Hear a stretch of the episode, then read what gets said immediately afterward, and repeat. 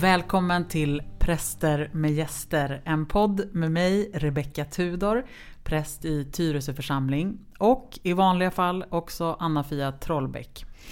Nu var det länge sedan det var vanliga fall, för vi kör en liten uppstickare, präst med gäst. Det är nämligen jag själv som axlar programmet ett tag, gör några specialavsnitt där jag bjuder in en livs levande gäst. Det är helt otroligt att ha en levande gäst i studion. Han försöker nu att göra ljud, men du ska bara vara tyst än så länge innan jag har presenterat dig. För idag Mm. ska ni nämligen få möta en väldigt spännande person. Han älskar Disney. Disney i allmänhet, Mm. Musse Pigg i Mm. synnerhet. Den här personen, han friade till och med till sin eh, nu man Lukas på Disneyland med Musse Pigg som vittne. Ja.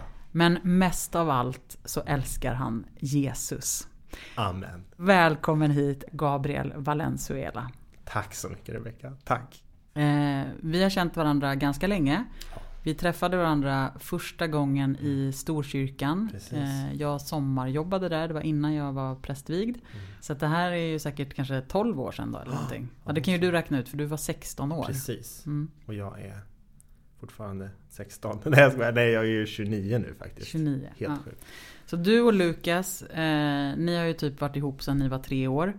Eh, Mm, nästan. Nej eh, inte riktigt. Vi, var tio, vi, vi känner varandra sedan vi var 10 faktiskt. Ja, Vi var eh, 10 år gamla när Lukas började i min klass i skolan. ja. Och vi blev bästa vänner. och så blev ni kära. Sen blev vi kära långt senare. Vi var inte kära när vi var små. Det hade ju varit drömmen dock. Jag vet, Eh, men Vi blev kära när vi var kanske, vad kan det vara? Ja men typ 15. Mm, fortfarande jätteunga. Mm. Så du har varit tillsammans med Lukas sedan du var 15 år. Nej, vi har alltså officiellt varit tillsammans sedan vi var 17. Ja. Faktiskt. Så att, eh, Okej. mm, Ni har varit tillsammans sedan ni var 17 år och nu har ni varit gifta i... Snart två, två år. år i sommar. precis. Jag hade också äran att vara med och viga er i Tyska amazing. kyrkan. Precis, i Gamla stan. Det var ett fantastiskt Disney-bröllop. Det gick ju verkligen i Disneys tecken. Det gjorde ju det. Eh, Och Jesus. Jesus också. Är, ja men som sagt, vi ska prata om Jesus jättemycket. Mm. Eh, din enorma kärlek till Jesus. Eh, vi ska prata om din tro. Mm. Eh, om att eh, vara gay i eh, kristna sammanhang. Mm. Och kanske om att vara kristen i icke-kristna sammanhang. Vad vet jag? Vi får Mm. se vad vi kommer upp. Men eh, mycket kärlek till Jesus tror jag vi kommer prata om. Ja. Vill du säga någonting om liksom vem du är? Jag vet att det är en jättestor och svår fråga. Men så här, vad är din bakgrund? Eh, har du, är du uppväxt med, med tron på Jesus? Eh, mm, när kom du ut som bög? Mm. Ish. Ja. Alltså jättesvår fråga. Men ehm, om jag ska börja någonstans så kan jag väl säga att jag är ju född i en pingstkyrka kan man säga. Så att eh, bara när, när jag var några dagar gammal så presenterade man mig i kyrkan och lyfte, upp- lyfte upp mig lite som du vet Simba i, i eh, Lejonkungen. Lite så liksom. Och presenterade mig för Jesus. Liksom. Ehm, så att jag har ju haft med mig Jesus hela livet. Så det är, kan jag absolut säga redan nu att det är liksom min, min bästa, bästa, bästa vän. Och den absolut viktigaste personen i mitt liv. Han tar liksom första plats i alla roller. Ehm, sen har jag växt upp där. Jag har ju liksom varit jätteengagerad i kyrkan hela mitt liv. I egentligen. I Pingstkyrkan. Pingstkyrkan, precis. Mm. I Stockholm. I Stockholm faktiskt, en spansktalande församling. Mm. Så att vi liksom var bara massa latinamerikaner. vet, Väldigt högljudda, väldigt mycket du vet, awesome musik och liksom, ja, mycket dans. Och vet, jag var så här, eh, danslärare där också och hade jättemycket kul. Så att det var väldigt roligt, väldigt karismatiskt. Så, Mm. Som man kan ha, som föreställa sig. Liksom. Ja men precis, för det skil- Pingstkyrkan, i alla fall många församlingar, kanske Mm. mina fördomar, men jag tror inte det bara. Utan är ju mycket mer karismatiska ofta och som du säger, mer musik och mer liv på ett annat sätt. Och församlingsmedlemmarna är ju väldigt aktiva Ja. på ett sätt som det inte alltid är i Svenska kyrkan. Nej precis, och det är, det är nästan lite så att det förväntas av en att vara Mm. aktiv alltså under själva gudstjänsten. Så det ska inte bara vara liksom att prästen säger någonting och så står det någonting i ett papper som vi ska läsa och svara. Utan det här är liksom Folk svarar ju Mm. Amen och Halleluja och Mm. Tack Jesus och liksom allt det där fast på spanska då. Mm. Eh, liksom till eh, pastorn då medan predikan pågår. Och det här är ju långa, alltså det här var, kan jag bara förklara det. Alltså, man sa att det började klockan tre på eh, söndagar. Latinamerikaner som vi är kommer alltid sent. Mm. Som du märkte idag till exempel. eh, kommer alltid sent. Det börjar klockan fyra. Sen så var det en timmes lovsång. Eh, sen kanske en halvtimmes liksom, nyheter och lite så här. Åh, ni ska komma med på det här och det här och det här. Eh, sen började bön, så kanske en, halv- en halvtimme till. Och sen så var det predikan och den kunde hålla på i alltså, två, tre timmar. Skämtar Eh, du? Nej, jag skämtar faktiskt inte. Så det var väldigt, väldigt långt. Alltså vi kunde sluta ibland när bönen tog lång tid efter själva liksom, eh, predikan. Då, Ja. Då var klockan ibland kanske så här, ja men alltså nio, tio liksom. Alltså om ni såg mig nu så skulle ni se att jag ser ut som en fågelholk. alltså du vet det här är liksom så främmande och långt ifrån Vi hade min också en bakgrund. annan grej som jag tror du kom, Du skulle dock älska det här tror jag. Mhm. Men vi hade något som heter nattvaka. Mm. Då kom man dit klockan 18. Eh, man liksom tog med sig lite mat. Man typ käkade tillsammans. Det var jättekul. Eh, och sen så började själva liksom, ja, hela här, jag vet inte vad man ska kalla det, gudstjänsten, Mm, bönetiden, jag vet mm, inte, samlingen liksom. Mm. Eh, och så höll vi på till sex på morgonen dagen efter. Så vi var vakna hela natten. Liksom. Det Ja, var det- så häftigt. Ja men det kan jag faktiskt föreställa mig. Eh, Alltså mycket så här extas. Alltså mycket Mm. liksom Ja men det är ett hög bön och mycket, mycket, mycket sång. Alltså jag fattar inte vart alla låtarna kom ifrån. Men man hade liksom om och om igen. Ja, det var underbart. Ja men det är ju härligt att du säger att det var underbart för att eh, i min värld så, eh, så, så blir jag lite rädd. Jag förstår Och det. känner typ så här, vad är det här för sekt? Eh, och, eh, men jag förstår att det inte bara är så. Nej. Men, men i ett sånt sammanhang då? Du, du får bemöta mina fördomar nu men eh, hur var det liksom när du... För när, när kom du underfund med att det kanske faktiskt var så att du gillade killar? Ja, alltså om man ska förklara det här liksom från, från eh, där jag slutade nu så var det så att eftersom att jag var så engagerad så var ju liksom allting jag gjorde, allting jag var med om, allting jag tänkte på och liksom planerade för. Hela min vecka kretsade ju kring de här dagarna då. Det var ju inte bara söndagar och det här. Det här var ju liksom huvudtiden då som vi hade där. Men sen så hade vi ju liksom, ja, men, eh, ungdomsmöten på fredagar som också var så där långa. Och sen så hade vi ju träningar och grejer på onsdagar och så. Så att det var mycket engagemang. Kyrkan var ditt liv liksom? Allt. Mm. Alltså alla människor jag kände i stort sett. Mm. Eh, all min tid gick till det här. Det var liksom det viktigaste i mitt liv. Och hela din familj var engagerad? Hela min familj, ja Mm. i stort sett. Mm. Eh, jag har ju några andra som inte har varit med men, men de vet i alla fall om den. Så att, Mm. I alla fall den närmaste Mm. har varit med. Ehm, sen var det så faktiskt så att när jag var, när jag var runt eh, 15 däremellan liksom, så eh, Ja men du vet man ska försöka komma in i det här med tonåren och det, det, det, är, så, det är så mycket vet, så här, känslor och du vet, Och det var ju väldigt mycket liksom skuldbeläggande på något sätt i det här med att man, man ska inte känna för mycket liksom i vad gäller till exempel lust och sån här grejer. Utan man ska vara väldigt liksom ren och det är viktigt med det här liksom. Mm. Eh, och Gud ska alltid vara i fokus oavsett. Mm. Så att, och så var det ju för mig. Och det tänkte jag så här, det var, det var bara naturligt för mig. Liksom. Fram till att jag liksom, man började så här, dejta tjejer. Det låter så konstigt att säga det nu. Dejta tjejer. Eh, ja. eh. Men eh, Ja, det, det hände egentligen bara liksom jättekonstigt om jag ska vara ärlig. Mm. Det var en gång när jag och Lukas, vi, vi umgicks ju jättemycket. Liksom. Jätte, jätte, alltså väldigt, väldigt nära vänner. Och eh, så en kväll när vi liksom hängde tillsammans. Det var, så här, det var natt liksom. Vi bara, men det är så här, För han var också en chillade. del av eh, kyrkan eller? Nej, faktiskt inte. Nej. Det här är en rolig detalj. Det här måste jag verkligen berätta. Mm. Alltså, tänk så här. Tänk dig två tioåriga killar liksom. Mm. Bästa vänner. Går runt i skolan. Jag är den här, så här töntiga nörden som går runt och berättar om Jesus till allt och alla. Alltså alla. Det, alltså, Mm. Har du hört om Jesus? Liksom. Typ jagar folk. Alla bara, äh. Eh, Jättepinsamt. Eh, och så står Lukas där bredvid och bara alltså, hur kan du tro på det här? Alltså du är helt dum i huvudet. Liksom. Det var så kul Mm. när jag tänker på det idag. Liksom, jag varit så irriterad på honom. Fattar inte att vi kunde vara så bra vänner ändå. Men eh, nej, han var inte engagerad i kyrkan. Mm. Eller trodde på Gud alls faktiskt.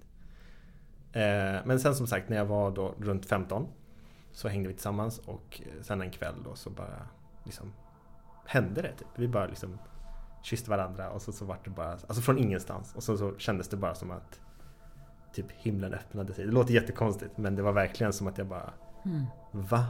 Liksom. Alltså det var så konstigt.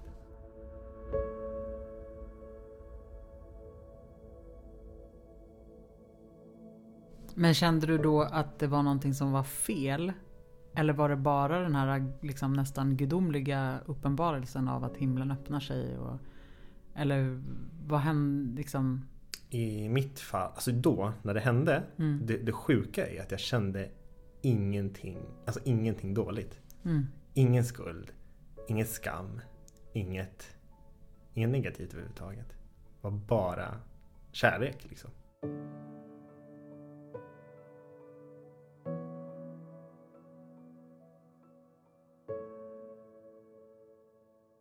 Mm. Jag minns att jag liksom gick från att ha sett honom som en jätte, jättebra vän till att jag liksom till och med frågade honom då typ så här, ska vi bli tillsammans nu? Det var jättekonstigt men det var Mm. verkligen som att du var direkt liksom, jag var så här, det här är, det här är rätt. Mm. Liksom.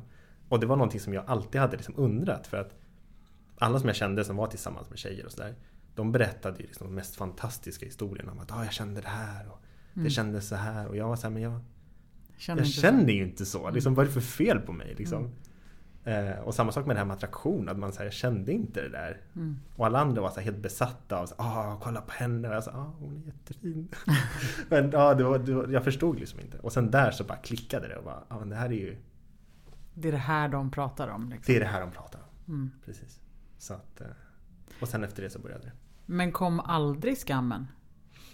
Den kom eh, dagen efter. Kan Mm. jag säga. Vi hördes ju inte på två veckor efter det där faktiskt. Okej. Så det var verkligen eh, jättenervöst och superläskigt. Vi hördes ju direkt efter, efter de här två veckorna så bara låtsades vi som ingenting. Mm. Det här det var bara en, en engångsgrej, kommer inte hända igen. Hände igen, hände igen. Och sen så blev det bara liksom, ja, ganska tydligt att, att, att ja, det är så här det är. Mm. Eh, ganska så kort där, därefter så som sagt började jag jobba på det här med Okej, vänta lite nu. Det här är ju fel. Mm. Jag kan inte vara så här. Det här är ju inte jag. Så att jag måste hitta någon, någon lösning här typ i mitt huvud. Så, här, okej, antingen är det så att jag har Har jag typ blivit besatt? Eller har jag liksom Alltså som besatt av djävulen typ? Ja men typ, eller så Mm. påverkad i alla fall. Mm. Typ så här lurad eller på något sätt liksom. Eller Är det bara jag som försöker lura mig själv? Eller är det här ett test från Gud? Mm. Liksom. Vad, alltså alla de här frågorna bara liksom gick runt.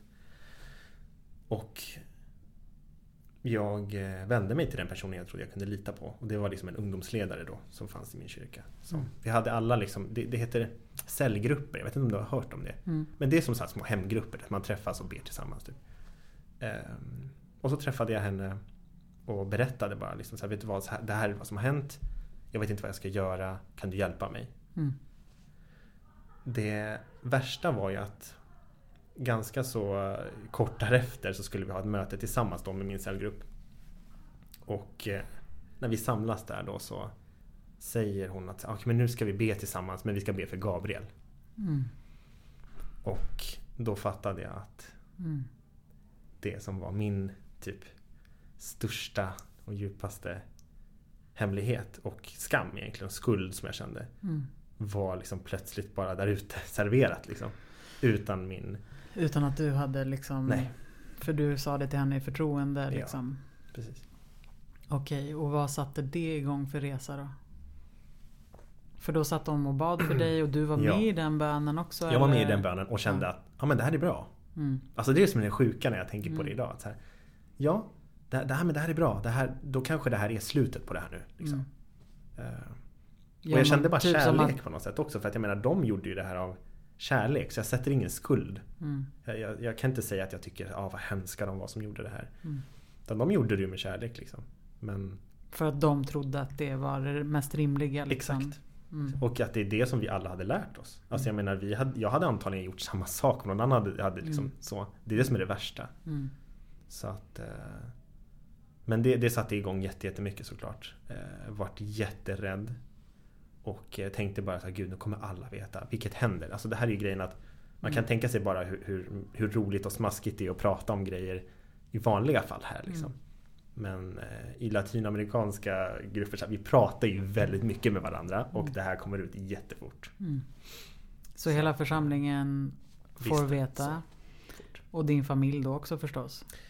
Eh, nej, Nej. faktiskt inte. Inte riktigt. Eh, det tar ett tag för dem att veta. Jag tror att det var lite så att folk försökte hitta något sätt att typ Mm. dansa kring det här så att man skulle berätta för varandra. Men man sa ingenting direkt till oss. Liksom. Mm.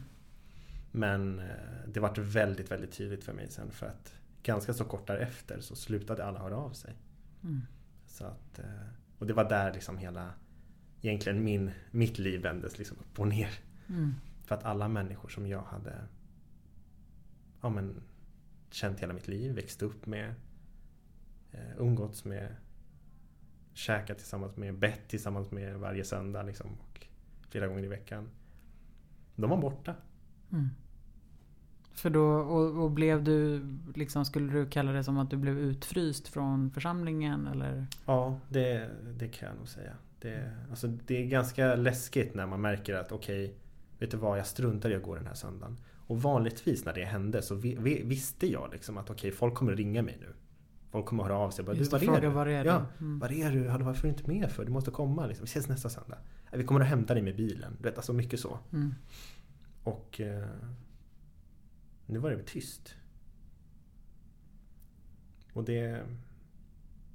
Jag visste inte vad jag skulle göra då faktiskt. Mm. Eh, Jag var jätterädd. Faktiskt. Jätte, jätterädd. Jag tror att den svåraste frågan för mig, eller jag vet att den svåraste frågan för mig då Fastän jag vet att den här ensamheten och utsatt, alltså, utlämnandet som det blev var så stort och så himla liksom, konstigt att förhålla sig till. Så tror jag att det svåraste och läskigaste för mig var att veta att personen som jag har allra kärast som är den viktigaste människan i mitt liv. Som jag har tänkt på och tänker på fortfarande. Varje dag. Varenda sekund i mitt liv. Kanske inte vill ha någonting med mig att göra. Liksom. Att Och- Gud inte, inte finns där. Jesus vill liksom inte ha med dig att göra för att du är liksom så stor syndare på något sätt eller? Eller att jag har valt att gå ifrån honom. Mm. För det var så jag kände. Och hade du fortsatt kontakt med Lukas under den här tiden? Ja, Eller? Mm. Han var faktiskt med. Så att han har ju varit med i hela den här Mm. liksom, resan. Jag minns till och med att han, han var så kul att höra honom för att han var ju inte troende då heller. Mm. Och jag minns att han sa det till mig. Han bara, jag förstår inte allt det här som händer liksom. Och du och du ber fortfarande. Alltså du tror fortfarande. Mm. Liksom, hur, hur kan det här typ bära dig fortfarande? Jag förstår inte. Mm. Och om jag ska vara helt ärlig så fattade jag inte det själv heller. Liksom, jag kunde inte få ihop det. Det enda jag kände var så här, okej, vet du vad? Jesus, du kanske inte vill lyssna på mig. Du kanske inte vill ha någonting med mig att göra. Jag kommer tjata ändå. För att jag, jag klarar mig inte utan dig. Det går inte. Mm. Du är fortfarande den absolut viktigaste, finaste, bästa människan. Och guden som finns. Mm. Det, Så du kunde liksom inte släppa taget om, nej, om Gud? Och Gud släppte ju förstås aldrig taget om dig heller. Men det var så det kändes. det kändes så. Kom du tillbaka till församlingen eller? Ja, det gjorde jag ju faktiskt. Och det, sjuka är att jag tog ju till och med med mig Lukas dit. Mhm. Eh, fast jag antog väl att de måste ha fattat att det var han. Men eh, jag tog med honom dit och vi gick, jag försökte ju fortfarande på något sätt hålla mig kvar. Jag visste ju liksom ingenting annat heller. Mm. Alltså, jag kan, jag kan bara förklara så här att, att våran församlingskyrka var ju en gammal teater. Och det är lite så vanligtvis som frikyrkor ser ut. Det är, som, det är väldigt enkelt. Man ska inte ha några bilder. Det är kanske är ett enkelt kors längst fram. Så. Mm. Så att allting som var utanför det kändes ju jätteläskigt och främmande. Mm. Så jag visste ju inte, alltså om jag hade vetat då att det finns typ kyrkor i varenda hörn Mm. så hade jag ju liksom Kanske ja, sökt dig någon annans eller till Exakt. en annan kyrka Precis. liksom. Mm. Vilket faktiskt hände sen. Det är det som är det roliga. Och det här, jag tror ju inte på slumpen så jag säger bara det här är Mm. Det är Jesus, 100%. Och vad var det då? då? Det var eh, min dåvarande bästa vän som jag liksom hängde med förutom Lukas då. Eh, och vi pratade jättemycket och vi älskade att promenera tillsammans. Aldrig promenerat så mycket som med någon som med henne då. Och vi gick runt i Gamla stan och stan. Alltså det är så fint liksom. Eh, och så en eftermiddag då så började det så här spöregna. Och vi är i Gamla stan. Och vi sa, gud, okej, var, var ska vi gå liksom? Och allting började stänga och vi var såhär, okej, vi kan inte gå in i en butik. Finns det någonstans där vi kan gå? För jag hade inga paraply, ingenting. Vi var så här sommarklädda liksom. Mm. Och så bara ser vi en stor port öppen. Och jag bara, ah, vi går in här, vad är det här? Jag vet inte. Ja, vi går in. Så är det Storkyrkan. Mm. Ehm, och när jag kommer in där, då som sagt, tänk då att min bild av en kyrka är en enkel teater, ett enkelt kors. Och så kommer man in i Storkyrkan och jag var så här Katedral. Mm. Boom! Jag tänkte såhär, gud vad är det? Alltså det var som, det var som att komma in i himlen. Jag tänkte, men, gud vad är det här? Eh, Jag tänkte såhär, är det här en kyrka? Alltså det låter så konstigt. Det var såhär, är det här, är det här en kyrka? Okej. Ehm, Och så bara, kan man gå hit på söndagar? Så bara, okej jag kan kolla på om de har någon kalender. Vilket jag gjorde snabbt, liksom kolla. Och såg att, ja det har de. Jag bara, så okej men då ska jag komma hit. Då gör jag det. Så hade jag bestämt det liksom. Mm. Och sen kort därefter, någon dag efter bara, så fortsatte vi promenera som vanligt. Och så kom vi upp till Hötorget. Och högst uppe på den här kullen där så ligger ju Sankt Johannes. Mm. Så jag ser den här kyrkan, den är ju ganska dold ändå. Den är ju jättestor men det är typ ingen som, som vet att den är där. Och så är en dörr på glänt. Och det är liksom, det har blivit mörkt och vi ser bara att liksom, ja, det är tända lampor där inne. Och eh, så hör vi liksom typ en alltså, himmelsk musik komma därifrån. Alltså det, det lät som att det var änglar som sjöng. Mm. Och vi bara liksom, ja, men det smyger in, går in försiktigt i, eh, liksom, innanför den här dörren. Tänker såhär, gud det här kanske inte vi får göra, men vi gör det ändå. Går in och så tittar vi in och så ser vi på det här altaret som finns där. Det är ju fantastiskt. Det är ju som spiror liksom i guld. Och eh, massvis, alltså jag kommer inte ihåg hur många det var, men det var jättemånga som sjöng. Som höll på att öva. Och det var samma känsla, bara, det här är en kyrka. Okej. Jag bara, men jag, jag ska gå hit också. Så jag liksom gick runt och tittade Mm. på det. Det var som en stor skylt utanför dörren, ut- utanför liksom kyrkan. Då. Och så står det Till dig-mässan. Eh, så- sån här. Mm. Ehm, och eh, torsdagar då klockan sju. Står det. Så det är så, okej, då ska jag alltså till Storkyrkan klockan 11. Och sen ska jag till, eh, till dig-mässan på torsdag klockan sju. Och så gör jag det. Mm. Och där börjar egentligen hela min resa tillbaka då. Mm. Eh, och jag minns att, att det absolut, den största vändpunkten för mig var när jag kom till Sankt Johannes. Då var det liksom en enkel liten mässa. Det var kanske åtta personer samlade liksom vid altaret. De spelade fantastiskt på pianot, liksom, sjöng några fantastiska sånger. Och jag minns att, att några ord bara, liksom, det är den jag har uppslagen här i en bok framför i veckan nu. Um, som säger Se hur gudsvinden bär. Eller den heter så. Ehm, Och orden på den här sången ekade liksom i mitt huvud. När den i slutet av varje liksom, del säger Du får komma precis som du är. Du är älskad precis som du är. Du är väntad precis som du är. Och jag kunde inte ta in det. Mm. Men det var som att mitt inre bara ropade liksom. Du får komma precis som du är. Du är Mm. väntad precis som du är. Eh, och då vet alltså jag vet faktiskt inte vart jag fick mitt mod ifrån. Men jag går fram till Ingemar då. Som, som var där som ledde mässan. Och eh, ställer en jättekryptisk fråga till honom och säger du. Om man vet att man gör någonting som är fel. Mm. Om man vet att man gör något som är fel. Men man älskar Gud. Vad gör jag då? Mm. Och han tittar på mig liksom så här och väntar lite. Som han gör ibland. Han pausar liksom. Det här är en präst alltså? Ja men en Ingmar präst. Johansen? Ni måste Mm. söka upp honom om ni kan. Han är fantastisk. Ehm, han väntar. Och så säger han. Vet du vad Gabriel? Kan inte vi ha ett samtal? Och jag var så här. Okej. varför inte? Vi, vi har ett samtal. Vi bokar in det. Så då bokar vi in ett samtal ganska snabbt. Och då kommer jag dit och då tänker jag så här, okej nu ska jag ta modet igen och ska jag berätta för honom bara öppna kort hur det är. Vad jag har gjort. Vem jag är. Och om jag ens har en chans att vara tillsammans med Gud längre. Mm. Och eh, så minns jag hur nervös, typ som jag är nu, jättenervös, pratar med honom. Och bara säger till honom typ att okej men du, jag är jag är homosexuell. Och jag är kär i en kille. Men jag älskar Jesus. Kan, vill han ha någonting med mig att göra? Mm. Och så kommer jag ihåg att han tittar på mig och så han så här. Var, var det det du skulle säga? och så minns jag att alltså, den befrielse jag kände när han sa så. Mm. Att det är inget fel på dig. Liksom. Mm. Det låter jättekonstigt att säga så idag men du... Och så minns jag hur han så här avdramatiserade det bara. Liksom. Och så, men vadå, det, vad, vadå, var det det du var så nervös över? Mm.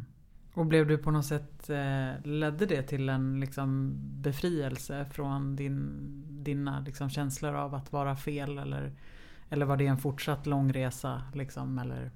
Det är en resa fram till idag faktiskt. Mm. Det är ganska... Eh, det, det är svårt för den här längtan eh, efter att komma hem Mm. är jättestor. Och jag vet att alltså jag, jag, jag påminns hela tiden om att mitt hem finns i den här famnen. Liksom. Och att han är den som tar emot mig.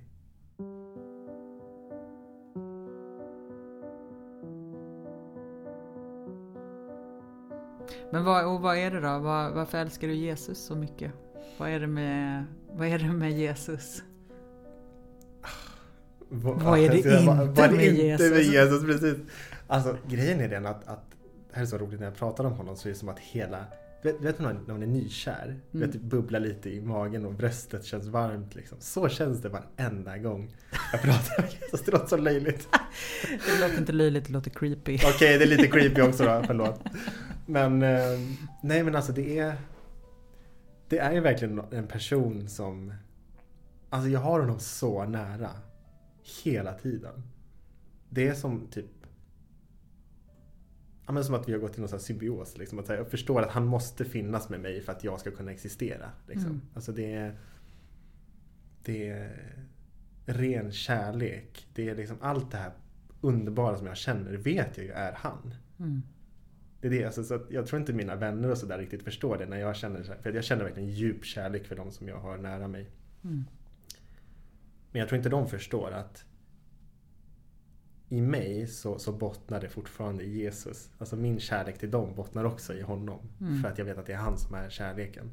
Mm. Det är så mycket, liksom, det går inte att förklara heller. Jag märker att ord räcker inte till. Nej men det syns ju på hela ditt kroppsspråk och jag tror att det hörs på din röst också. Det är det jag säger, jag känner ingen som älskar Jesus som du. Eh, och som har ditt... Eh, du har en sån innerlig eh, kärlek och en känsla av att du verkligen har en... Ja men du har ju verkligen en relation till Jesus och en, en, en erfarenhet av att ha mött Jesus. Mm. Liksom. Och det tänker jag att det har inte vi alla. Alltså även vi andra kristna troende. Eh, för jag kan ju tänka att jag ibland har, har mycket svårare för att relatera till Jesus på ett personligt plan än vad jag har till att relatera till Gud. Mm. Eh, vilket ju för oss är samma sak, att prata om Precis. Jesus och att prata om Gud. Men ibland så tänker jag att vi pratar kanske för lite om Jesus Ja. i kyrkan. I alla fall i Svenska kyrkan. Mm. Även om det precis är som du säger, Jesus är ju alltid i, i centrum. 100%. Men vi, men jag ska jag säga, eh, pratar ju mycket, mycket mer om Gud. Mm. Eh, och har lättare för att göra det. Eh, Jesus kan i och för sig vara en samtalspartner Mm. ibland. Alltså, så kan det vara. Att jag vill konkretisera Gud och liksom ha en bild. Men då har jag ju ibland... Eh, ibland kan jag ju önska att, att Jesus var, var en kvinnlig gestalt. Mm. Det är liksom en enklare... När jag tänker på nära samtal Mm. så uppstår de ofta i systerskap. Mm. Eh, och för mig är ju Jesus varken man eller kvinna. Nej. Utan Gud. Gud. Mm. Exakt. Precis. Jag, jag förstår ju verkligen alltså att, att, att du känner så. Eh, mitt sätt att relatera till Jesus på det sättet eh, som man Mm. har ju också, tror jag nog, att göra med att jag också sen jag var liten bar en väldigt stor längtan att få träffa min pappa. Liksom. Mm. Mm. Och därför så blev han väldigt snabbt min pappa. Liksom. Mm. Han blev liksom den som skulle lära mig allting. Den som skulle visa mig vägen. Och den som är ja, men ett, ett, ett exempel för hur jag ska vara. Mm. Och jag minns också att, att när vi... eh, För jag, jag och min familj, jag, mamma och min syster hade det väldigt svårt när vi var små. Eh, Och det var svårt ibland med mat. Vi hade inte alltid mat och det var eh, ganska ja, men så här, tufft. Jag, jag minns att jag såg ofta hur min mamma kämpade väldigt, väldigt mycket och att hon var ensam. Mm. Och jag minns hur jag ofta just, just pratade med Jesus och bad honom att, att vara med henne. Att, att han skulle vara med henne som han var med mig. Mm. Ehm, Ja, för din pappa var inte närvarande. nej, nej, precis.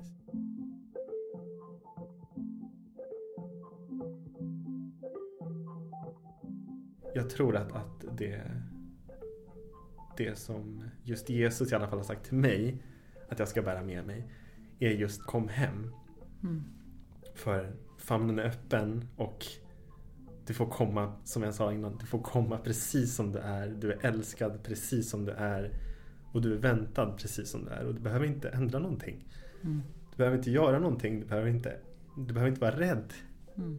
Som Jesus säger så här jättemånga gånger. Var inte rädd, var inte rädd, var inte rädd. Och det är svårt att ta in. Och det kommer ta jättelång tid. För många och för mig fortfarande. Det är ett Mm. ständigt arbete. Men han bär. Tack kära Gabriel Valenzuela. Tack Rebecca Tudor. Så jättefint att ha dig här och eh, tack kära lyssnare och eh, vi hörs igen.